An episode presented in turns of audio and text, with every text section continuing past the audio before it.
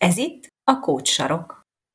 Életmód, coaching, inspiráció. Feltöltődés, elgondolkodtatás, önismeret. Zsuzsával és Anitával.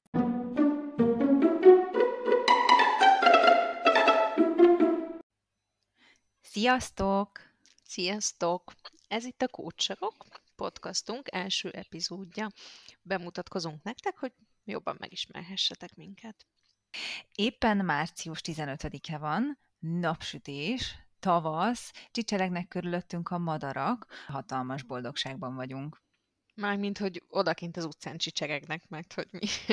sajnos külön-külön ülünk otthon a szobánkban, mert hogy Covid miatt csak az online térben tudunk találkozni, személyesen sajnos nem. Igen, úgyhogy ezt szépen áthidaltuk így az online térrel, úgyhogy most egy-egy füles társaságában szemlélhetjük egymást. Szia, Zsuzsi! Szia! Hogy vagy most? Milyen érzések vannak benned? Te így szoktál kócsolni? Igen. Hát bevallom őszintén, én kicsit izgulok. Vegyes érzések vannak bennem, mert hát mi is csak most ismerkedünk meg ezzel a műfajjal. De egyébként, ha ez most egy coachingülés lenne, akkor én úgy kérdezném tőled, hogy veled mi újság? Köszönöm szépen. Én éppen nosztalgikus hangulatban vagyok mert ahogy készültem a mostani beszélgetésünkre, egészen a gyerekkoromig utaztam vissza gondolatban, és lubickoltam az emlékeimben, és képzeld el, hogy eszembe jutott, hogy volt nekem egy, egy csodálatos álmom gyerekként, ez az volt, hogy egy állatmenhelyet hozok létre, és begyűjtöm oda az összes elhagyott, kóbor, szerencsétlen állatot, mindegy egyébként, hogy ragadozó, vagy madár, vagy nem tudom, eblős, vagy bármi lehetett. A lényeg az, hogy elhagyott legyen, és én fogok róluk gondoskodni, és én fogom őket megmenteni. Úgyhogy ebben a, ebben a kis naív gondolatvilágban merültem el,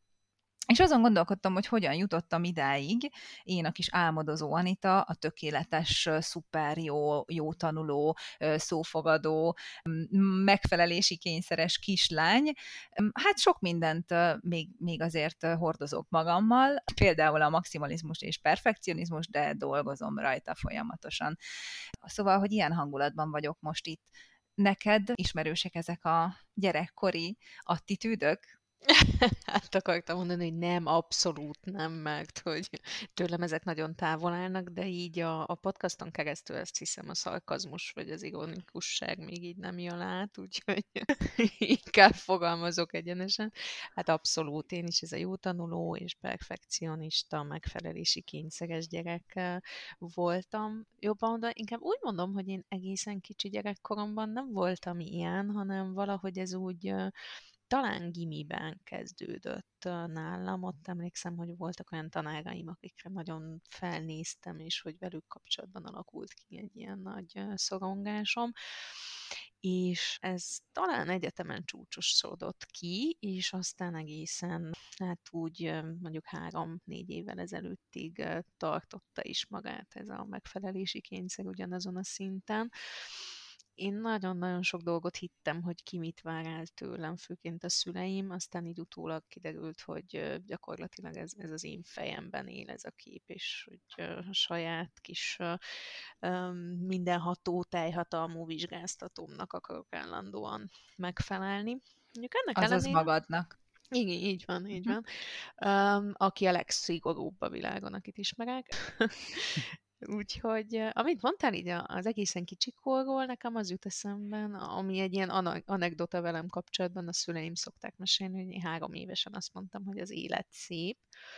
amivel most is egyetértek, most már egyre inkább egyetértek így a, a, az utóbbi évek változásai hatására gyorsan közbevetném, hogy ezzel az élet széppel kapcsolatban én nem, nem így éltem meg a gyerekkoromat, mert, mert hogy az én megfelelési kényszerem olyan, olyan típusú szorongásokba vitt bele engem, hogy, hogy én nagyon-nagyon ragaszkodtam a kontrollhoz, hogy én mindent tudjak kontrollálni, hogy én, én minden, minden szabályt ismerjek és be tudjak tartani. Tehát, hogy én, én nekem, nekem ez átment egy kicsit ilyen attitűdbe, hogy nekem, nekem mindenképp jónak kell lennem, mindenképp szófogadónak kell lennem, és a keretek között kell maradnom és alapvetően azért ez nem egy laza, csilles hozzáállás az élethez, szóval, hogy én ebben a, egyébként valószínűleg én is legbelül az összes felnőtt mellett leginkább saját magamnak akartam megfelelni, és képzeld el, hogy annyira jó akartam lenni, a jóságot annyira túlértékeltem, hogy én nem engedtem meg magamnak még azt sem, hogy esetleg bármiféle negatív ö, érzelmem legyen, vagy valamilyen negatív gondolat alakuljon ki bennem, és ha ez mégis megtörtént, mert nyilván emberből vagyok, hogy megtörtént, akkor utána mérhetetlen bűntudatom volt. És például sose felejtem el, amikor egyszer, hogy szerintem pont egy, egy szerelmem nagyon feldühített, és, és hát azért a dühöm az így elő akart törni, és, és én földhöz vágtam a kémia könyvemet. És ez akkora bűn volt. Én azt gondoltam, hogy hát én hogy tehettem ilyet, ez a szerencsétlen könyv erről nem tehet, én ezt, én ezt nem engedhetem meg magamnak, hogy én így viselkedjek egy könyvvel. Tehát, hogy, hogy már, már, már terhes volt számomra ez a, ez a nagyon keretes és nagyon kontrollált viselkedés, úgyhogy, úgyhogy nekem így telt a gyerekkorom. Ettől függetlenül az életet én, én is szépnek tartom, és most már így felnőtt koromra, ez körülbelül öt évvel ezelőtt redatálható az, hogy most már megengedem magamnak, vannak, mert tudom, hogy mennyire fontosak a negatív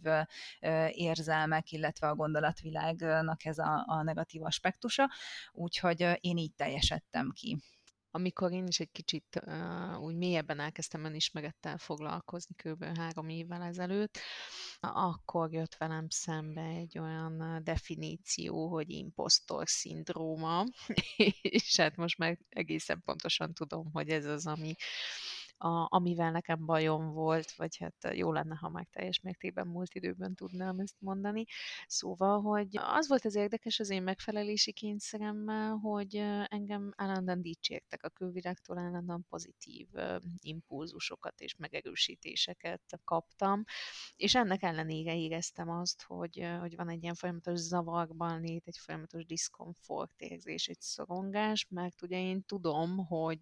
nem is tudom, béna vagy vagyok, vagy, vagy én nem vagyok elég, nem vagyok elég jó, nem vagyok elég okos, és mindenki más azt hitte rólam, hogy én okos vagyok, és ügyes vagyok, és tökéletes vagyok, és, és hát ugye éreztem, hogy bármikor lebukhatok, és kiderülhet, és akkor nem tudom, összedől a világ, vagy nem fognak már engem szeretni. Szóval, hogy ez volt az, amit le kellett vetkőzzek magamról, és hát Gyakorlatilag, ha már egyetem, ugye felhoztam, hogy nekem ez ott csúcsosodott ki, akkor meg akartam azt említeni, hogy mi ugye ott ismerkedtünk meg, és azóta azóta vagyunk jó barátnők, és ahogy mondtad a kémia könyvet, nekem az a jelenet jutott eszembe az egyetemi büfében, amikor leesett egy darab sült krumpli a tányérodról, és gyorsan ledobtál mellé egy másikat, hogy ne legyen egyedül. Emlékszel erre?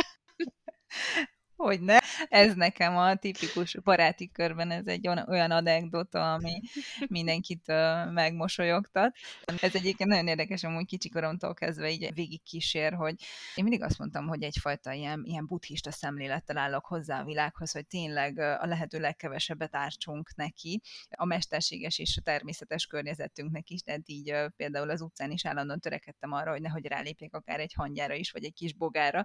és ami nagyon vicces, hogy, hogy gyerekkoromtól kezdve vonzanak a, a, egyrészt a buddhista tanítások és a buddhista szemlélet, másrészt az ezzel kapcsolatos harcművészeti szellemiség, és, és, és gyerekkoromban ennek én nem hódolhattam, mert hát nem tudom én, különféle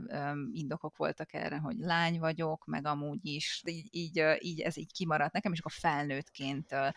tudtam találkozni ezzel a világgal, és elkezdtem kungfuzni néhány évvel ezelőtt, és, és én ebben, ebben találtam meg egy, egy, egy hatalmas ilyen lelki beteljesülést, mert hogy, mert hogy ez megadja nekem ezt, ezt a kis, hát amúgy nem teljesen buddhista, mert azért nem, nem csak buddhista tanokat közvetít, de az a lényeg, hogy meg, meg, megad egy tök jó filozófiai hátteret, tehát egy ilyen, ilyen spirit aktualitást, másfelől pedig, ugye, mint említettem, a negatív érzelmeimnek, indulataimnak én nem nem engedtem teret gyerekként, na hát ez a, ez a kung fu által tök jól kiteljesült így felnőttként, mert hát valljuk be, hogy stressz levezetésnek és dűlevezetésnek csodálatos érzés, amikor egy egymást püföljük, kár ezt tagadni, úgyhogy ez a része is megadatott, meg hát egy, egy jó erős testtudatosságot adott, úgyhogy nekem ugye a kung fu az abszolút hozzájárult a, a személyiségfejlődésemhez. Na de visszatérve az egyetemhez,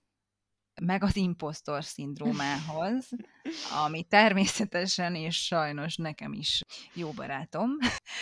és jaj, abszolút értem, amiről beszélsz, hogy a lebukástól való félelem, hogy egyébként minden, minden csak a szerencsének köszönhető, és nem is az én tudásomnak, tehát, hogy ez, ez én is ebben élem mindennapjaimat, és valahogy jogászként én úgy emlékszem, ugye, hogy te is, hát te, vagy inkább azt mondom, hogy te sem tudatosan választottad ugye a jogi pályát, ezt majd mindjárt elmeséled, de én sem. Tehát a jogi egyetemre úgy kerültem, hogy nagyon jó tanuló voltam, és a tanáraim azt mondták, hogy ez kötelező szinte, és hát fel is vettek, és, és jól is tudtam csinálni a jogi egyetemet, és azt, azt gondoltam, hogy jó, hát akkor erre a pályára ráállítottak engem, hát akkor becsülettel ezt kell csinálnom, nekem ez a dolgom, ez a feladatom, és, és valahogy a, a, a kis megfelelési kényszeremmel, meg az impostor szindrómámmal felvértezve a jogi egyetemen is, és a jogi majd 11 éves jogi pályám során is, én mindig azt éreztem, hogy én ehhez kevés vagyok. Én, én, ebben, én ebben nem vagyok elég jó.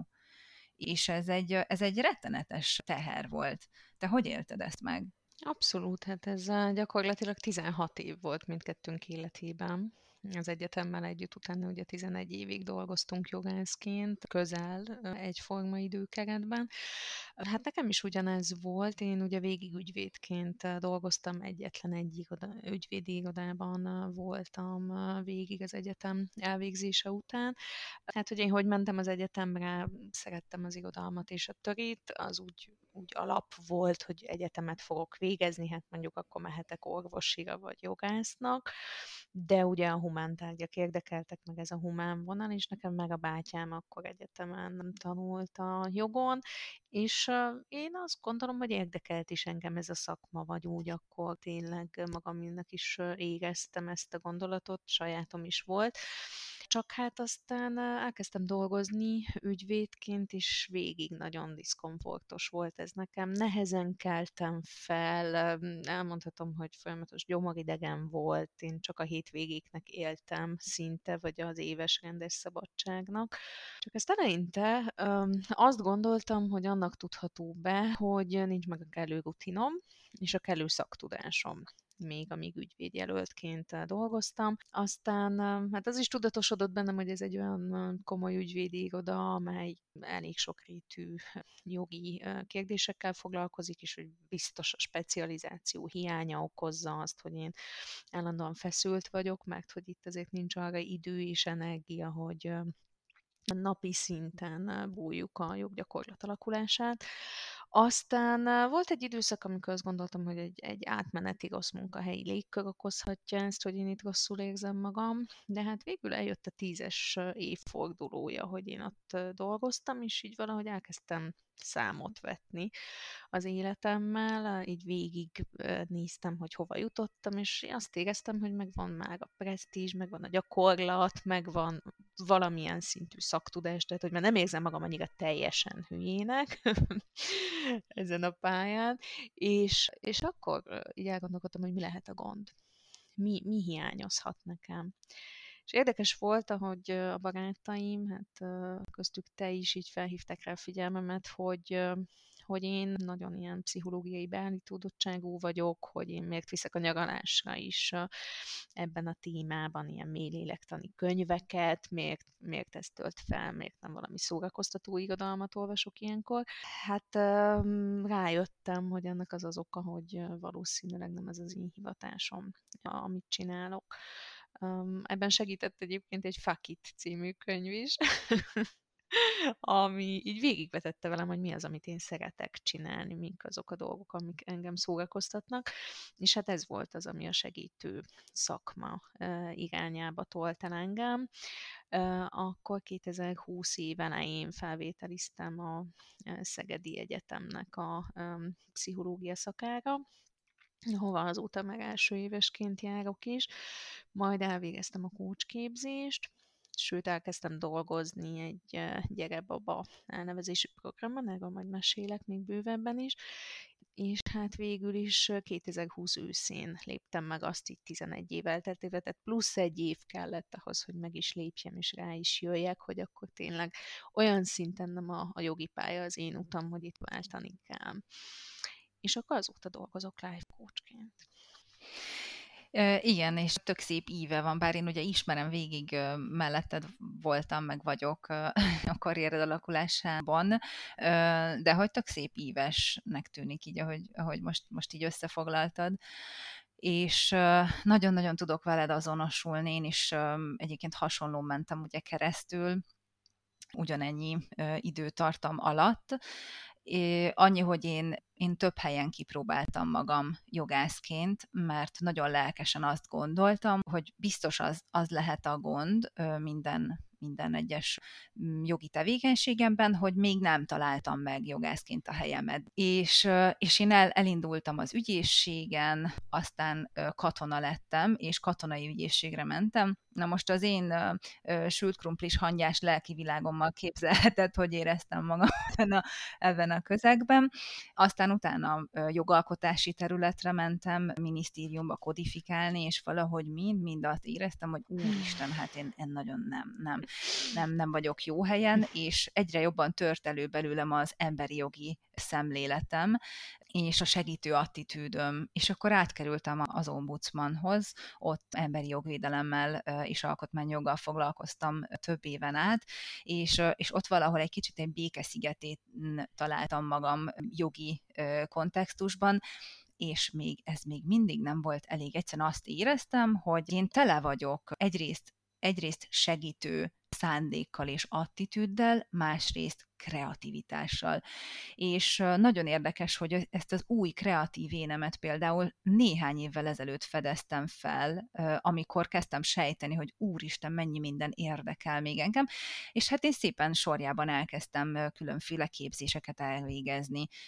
mert azt gondoltam, hogy akkor így fogok kiteljesedni itt a kreativitásban, hogy, hogy hát akkor van a fő munkám, a jogi munkám, és akkor mellette a szabadidőmben csinálok ezerféle dolgot, és, és így lettem mediátor, először még családi párkapcsolati mediátor, aztán egyébként nem olyan rég végeztem el a vállási mediációt, akkor közben coach lettem, ugye újságíró is lettem, és, és újságíróként egyébként csak ilyen mellékszálon egy-egy megbízást láttam el, tehát hogy aktívan nem tudtam azért dolgozni, viszont közben pedig a segítő attitűd, attitűdöm az így tört elő, és, és folyamatosan önkéntes munkákat láttam el szabadidőmben, de tényleg ételosztástól kezdve mindenféle önkéntes munkát így el akartam vállalni, mert azt éreztem, hogy, hogy, hogy én a világot meg akarom menteni, tehát hogy ez egy ilyen folyamatos vágyam volt, és, és akkor eljutottam a ö, Menetszél Egyesülethez, ahol néhány társammal, lelkes társammal együtt létrehoztunk egy, egy projektet, ez a Dear Society nevű projekt, ami egy média és szociális érzékenyítés és képzés fiatal újságíróknak, illetve kommunikációs területen dolgozó vagy dolgozni szándékozó személyeknek, és gyakorlatilag érzékenyítő, szociális érzékenyítő és etikus újságírásra tanító workshopokat szervezünk, és itt jön az, hogy egyrészt megvan ugye meg, megvalósult az, amit szerettem volna, hogy segítek, tehát hogy társadalmilag valami hasznosat csinálok, kreatív is vagyok, és egy gyerekkoromtól kezdve dídelgetett vágyam is valamennyire így teljesült, mégpedig az, hogy tanítsak. Ez nem a klasszikus értelemben vett tanítás, nyilván ez inkább ugye ilyen tréneri tevékenység, de, de, de én ebben azt éreztem, hogy úristen, ez is van bennem. És, és ahogy ezeket a képzéseket elvégeztem, amiket ugye említettem meg, ezt a Dear Society tevékenységet egyre intenzívebben kezdtem csinálni, mind-mind ugye önkéntesen, én arra jöttem rá, hogy Jézusom, hát én a jogtól semmit nem akarok egyszerűen ez, ez nem nekem való terület. És én is azt éreztem, hogy most már úgy, úgy egyre inkább testi tüneteim is kezdtek előjönni, szorongni kezdtem, egyre kevesebb önbizalmam volt, és gyakorlatilag a, majd erről egyébként valószínűleg a későbbi podcast epizódok során fogunk még beszélni, de hogy gyakorlatilag egy abszolút kiégés közeli állapotba sodortam magam és nekem is tavaly jött el az az éles váltás, hogy tavaly év végén eldöntöttem, hogy akkor ezt most tovább nem tudom csinálni, és, és amellett döntöttem, hogy, hogy a coachingnak és a mediációnak szentelem a, a szakmai karrieremet. Igen, hát a kiégés abszolút rá tudok csatlakozni. Én azt gondolom, hogy finoman fogalmaztál, amikor a kiégés közeli állapotot említette, szerintem mind a ketten el is értük azt, amit ebben el lehetett érni. És ha már testi tünetek, akkor um, én azt akartam még elmesélni, meg az előbb is erre utaltam, hogy Hát mi 2015 év eleje óta próbálkoztunk a férjemmel a gyermekvállalással, és hogy ugye említetted, hogy milyen szép ívet jártam én be, vagy milyen szép ívet formáz az én karrierem, tehát hogy így utólag, ahogy most így visszahallgattam ezt, amit mondtam, vagy visszagondoltam, tényleg olyan szép könnyűnek tűnnek ezek az évek, vagy nem tudom, ez így, ahogy alakult, sorban jöttek egymás után a felismerések és lehetőségek. De hát sajnos ez akkor nem volt ennyire egyértelmű, meg ennyire kikristályosodott, hogy akkor milyen úton kell menni, mi a baj egyáltalán, mi, mi a megoldás, mi, mi az, a, ahol, ahol lehet valami elakadás. Meg hát persze azt se tudtuk, hogy ezek a medőségi jelek, amik nálunk voltak, ezek ezek igazából miből fakadhatnak, orvosi problémát ugye nem diagnosztizáltak nálunk, és és hát ez vezetett oda, hogy én 2018-ban pszichológushoz fordultam, akihez, amikor elmentem, akkor mondtam, hogy igazából nekem természetesen semmi komoly bajom nincs, csak felsoroltam olyan 5-8 dolgot, hogy csak ez, meg ez, meg ez, meg ez. És hát aztán elkezdtünk így dolgozni, akkoriban volt egy családi haláleset is sajnos nálunk, és hát az indított el, vagy az ott így az utolsó lökést, hogy én elmentem a Soponyai Nagy Krisztinához egyéni terápiára, később pedig a férjemmel együtt elmentünk a Gyerebaba programra, amit említettem, hogy most már azóta ott asszisztensként is dolgozom, medőségben érintett párokkal dolgozik ez a program a Luxel Vírának a, a nyomdokaiban. És hát ez volt ez az első ilyen non-profit kvázi plusz munkahelyem, ahol azt éreztem hétvégén, amikor felkeltem emiatt reggel hatkor, hogy egész napokat ott töltsek, hogy Istenem, de jó napom lesz, és hogy várom, és, és nem vagyok fáradt, nem úgy kell lovakkal kivontatni az ágyból, hogy elérjek a kotyogóig, az első kávé snittig,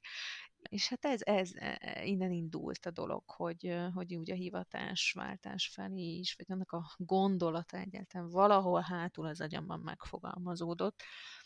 és nem is tudom, de talán ebben az időszakban lehetett az a, az a Margit szigeti sétánk. am nächsten lager igen, talán ez az időszak lehetett. Tudom, hogy én is akkor, akkor döntöttem úgy, hogy én is elmegyek pszichológushoz terápiára. Én is a sok-sok kicsikoromtól kezdve magammal hozott szorongásomtól nem tudtam egyszerűen önállóan szabadulni. És akkor egyik, egyik alkalommal, amikor valami nagyon, nagyon hosszú, tartalmas nyáresti sétát csináltunk ketten, akkor, akkor elkezdtünk közösen álmodozni. Szerintem az még inkább álmodozás volt, mint, mint konkrét tervezés.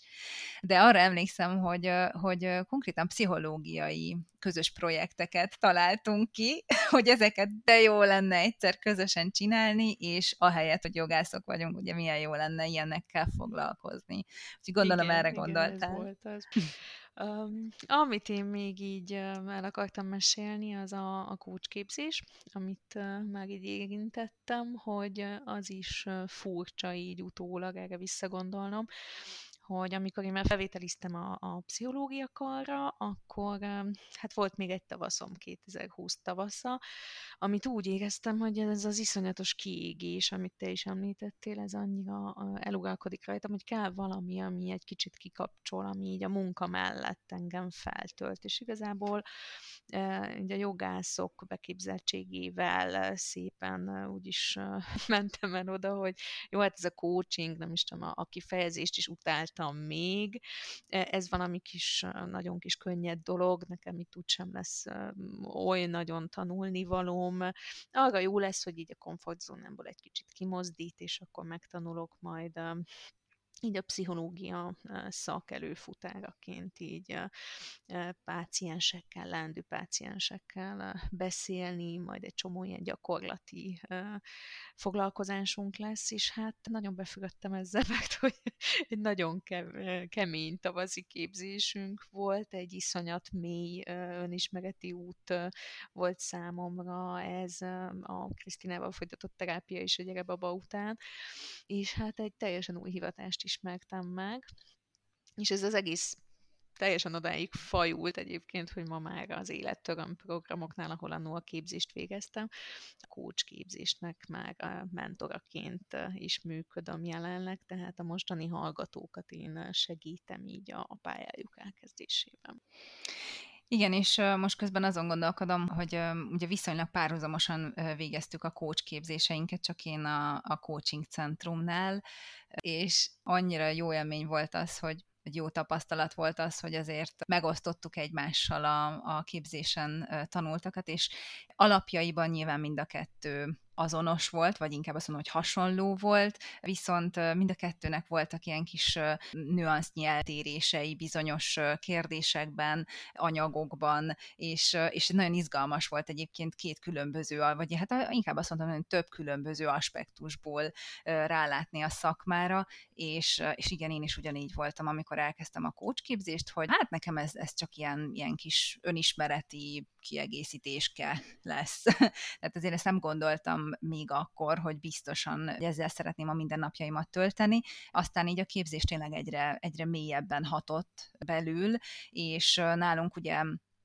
alapból egy, egy ilyen biznisz vonalra látszőt live coaching képzés volt. Több oktatónk is volt, több coach oktatónk, akik, akik ugye gyakorló coachok, és, és izgalmas volt látni, hogy ki milyen szemléletet hoz be, ki milyen tudást és tapasztalatot oszt meg velünk. És aztán utána mondom azt, hogy így veled is egyeztettünk, és összeraktuk, amink van, így annyira, annyira komplexnek éreztem azt, azt a tudást, amivel mi, mi gazdagodunk. Illetve még egyébként, amit én a magam részéről hiszen ez egy bemutatkozó epizód, amit, amit magam részéről kiemelnék, és az önismereti fejlődésemhez, utazásomhoz azért elég erős löketet adott, az az, hogy amikor én elkezdtem pszichológushoz járni, és a démonjaimmal ugye segít, szakértő segítségen keresztül megküzdeni, akkor kezdtem el párhuzamosan kungfuzni is, mert egyébként emlékszem, hogy a, a, én a német Borbála pszichológus hoz jártam, és, és ő mondta nekem nagyon-nagyon kedves, ilyen bájos mosolyjal, hogy hát csodálatos, hogy én, én mennyit sportolok, és hogy, hogy milyen, milyen elismerő, elismerése, hogy én futok is, jogázok, és ez mennyire jó, de hát itt azért egy kicsit lehet, hogy durvulni kéne, mert hogy olyan sok stresszt magamban tartok, és olyan sok dühöt és indulatot, meg akár szenvedét is, hogy ezeket valahol ki kéne adni, és le kéne vezetni, és akkor így jutott eszembe, hogy így tényleg, hát én gyerek gyerekkoromtól kezdve harcművészetekhez vonzódok, hát akkor jöjjön a kung fu, és akkor így lettem egyesületi tagja a Kung Fu Akadémiának, és a mai napig az vagyok, és, és nagyon büszke is vagyok rá. Na és akkor emellett pedig magánéleti vonalon az történt meg, ami egyébként sokakra jellemző, hogy ha elkezdenek párkapcsolatban egyedül terápiára járni, hogy elfejlődnek egymás mellett, vagy így a pár két tagja valahogy nehezen talál utána már egymásra, ezért érdemes egyébként mindig valahogy, nem tudom, közösen terápiába menni, vagy valahogy nagyon tudatosan csinálni az egyéni terápiát, figyelni a párkapcsolati dolgokra is, és, és hát én eljutottam oda, hogy egy vállás mellett döntöttem. Én elváltam, saját magamat ledobtam gyakorlatilag egy szakadékba, és nekem körülbelül két év kellett uh, ahhoz, hogy, uh, hogy én ebből a szakadékból kijöjjek, mert hogy ugye én ezzel a ilyen jótékony, segítő um, hozzáállásommal, és azzal, hogy mindig, mindig cselekedjünk jól, és mindenkinek tehát tényleg senkit se bántsunk. Ezzel a hozzáállásommal gyakorlatilag nem tudtam azt feldolgozni és megemészteni, hogy én megbántottam valakit nagyon súlyosan. Tehát, hogy egy ilyen óriási bűntudat szakadt rám, és na ez volt, ami, ami szerintem még egy hatalmas hatalmas önfejlődés volt, és akkor ezt az én vívódásaimat elkezdtem szépen leírni, Először még egy kis titkos blogot hoztam létre, amit tényleg csak ilyen szűk körben mutattam meg néhány bizalmasnak, köztük nyilván neked is, és, és aztán ez felfejlődött oda, hogy lett egy nyilvános blogom, ez pedig a tejhabos mindenit, amiben, amiben gyakorlatilag a kávészenvedély és, a, és az írás szeretet találkozik, és ezt azért emeltem így külön ki, mert egyébként én hiszem azt, hogy, hogy nekem ez is egyrészt a kreativitásomnak a, a megnyilvánulása, ami amúgy terápiás jellegű, másrészt tényleg úgy gondolom, hogy, hogy ez, a, ez az önfejlődési utamnak egy, egy nagy mérföldköve volt. És akkor, hát én megmondom őszintén, hogy most én nem emlékszem, te most említetted a, a, azt, hogy most éppen... Nem, most akartam behozni. Igen. Igen, szóval, hogy velünk pedig az történt, hogy amikor ugye említettem, hogy 2020 őszén eldöntöttem, hogy én felmondok a munkahelyemen, és hogy hát nem is csak, hogy abban azt az ügyvédi irodát hagyom ott, mert hogy én ott egyébként jól éreztem magam, hanem magát a pályát, az ügyvédi hivatást, akkor mi már egy meddőségi beavatkozás előtt álltunk, gyakorlatilag egyetlen egy darab utolsó konzultáció volt hátra, és, és hát végül is kiderült, hogy erre az utolsó konzultációra már nem kellett elmennünk, mert hogy ahogy eldöntöttem én ezt a hivatásváltást, akkor spontán sikerült teherbe esnem, Úgyhogy hát nekem most két hónapon van hátra, május 15-ére várjuk a kislányunkat a férjemmel, szóval hát ez, ez az a váltás, ami még ahhoz is hozzájárult, hogy a klasszikus life coaching területek mellett én medőségi coachként is működöm, plusz ugye nyilván a Gyerekbaba programban szerzett korábbi tapasztalataim alapján, és ez az érdekes, hogy már most kezdem érezni a bőrömön, hogy a következő ilyen lépcsőfokom az az lesz, hogy itt az anyaságban már a fejemben kialakuló maximalizmust és előre szuperanya elvárásokat vetkőzzem le magamról. és itt az jutott eszem, pont a mai napon érkezett meg egy rendelésem, itt tartom a kezemben a Matthew McConaughey-nek a Zöld Lámpa című kötetét, ami egy ilyen édes bűnként csücsölít most előttem az íróasztalomon, mert hogy iszonyat sok dolgot tervezek én még május 15-ig, amiben akadémikus szinten fel kell, úgy érzem, készüljek a szülésre, az anyaságra, kócsként még addig a munkámat kell folytassam egy, egy nagyon rövid kihagyás erejéig, ugye egyetemet végzem még párhuzamosan, és mentorálok, szóval, hogy ez az a könyv, amihez most egyikhez sincs köze, és, és nem szabadna ezt olvasnom, mert ez nem segíti elő most egyik folyamatban lévő projektemet sem, úgyhogy azt gondolom, hogy már ma el fogom kezdeni, és ez, ez egy ilyen következő önismereti út lesz, hogy megengedjem magamnak, hogy én egy kicsit még szórakozzak is. Mindenképpen bátorítalak, hogy tedd ezt. Édes, édes bűnbeesés egy könyv társaságában. Egyébként csak így zárásként még egy gondolat, hogy milyen érdekes, hogy, hogy az élet eseményeink határozták meg azt, hogy mi milyen témákkal fogunk leginkább foglalkozni a coaching keretében, vagy ugye az én esetemben a mediáció keretében, mert hogy nálam a, a vállás az egyértelműen adott volt, hogy én azt gondolom, hogy olyan, tényleg olyan mélyen voltam, és kijöttem belőle, hogy én, én úgy érzem, hogy a, a vállás előtt, alatt, után lévő vagy tartó embereket szerintem könnyebben meg tudom érteni, és azt gondolom, hogy tudok nekik a problémáikban, a lakadásaikban segíteni, úgyhogy nekem például ez lesz, vagy ez lett egy viszonylagos specializációm, meg hát ugye, ami mindkettőnknek nagyon izgalmas, az szerintem az, hogy jogászként, jogász nőként hogyan érvényesüljünk tényleg ebben a kemény jogi környezetben, világban, hogyan kommunikáljunk jól, hogyan érvényesítsük az érdekeinket, és egyáltalán hogyan csináljunk magunknak önbizalmat. Szóval közösek így a coaching témáink. Szóval nagyon szépen köszönjük a figyelmeteket. Facebookon a Coach Sarok podcast oldalt kövessétek, hogyha tetszett a bemutatkozásunk, és kíváncsiak vagytok a további adásainkra, epizódjainkra, természetesen majd mindig jelentkezni fogunk. Illetve a közös adások mellett az esetleges későbbi, most még csak tervben lévő eseményeinkről is ott tudtok majd informálódni. Így igaz. Akkor elköszönünk. Köszönjük szépen a Köszönjük. figyelmeteket. Sziasztok! Sziasztok!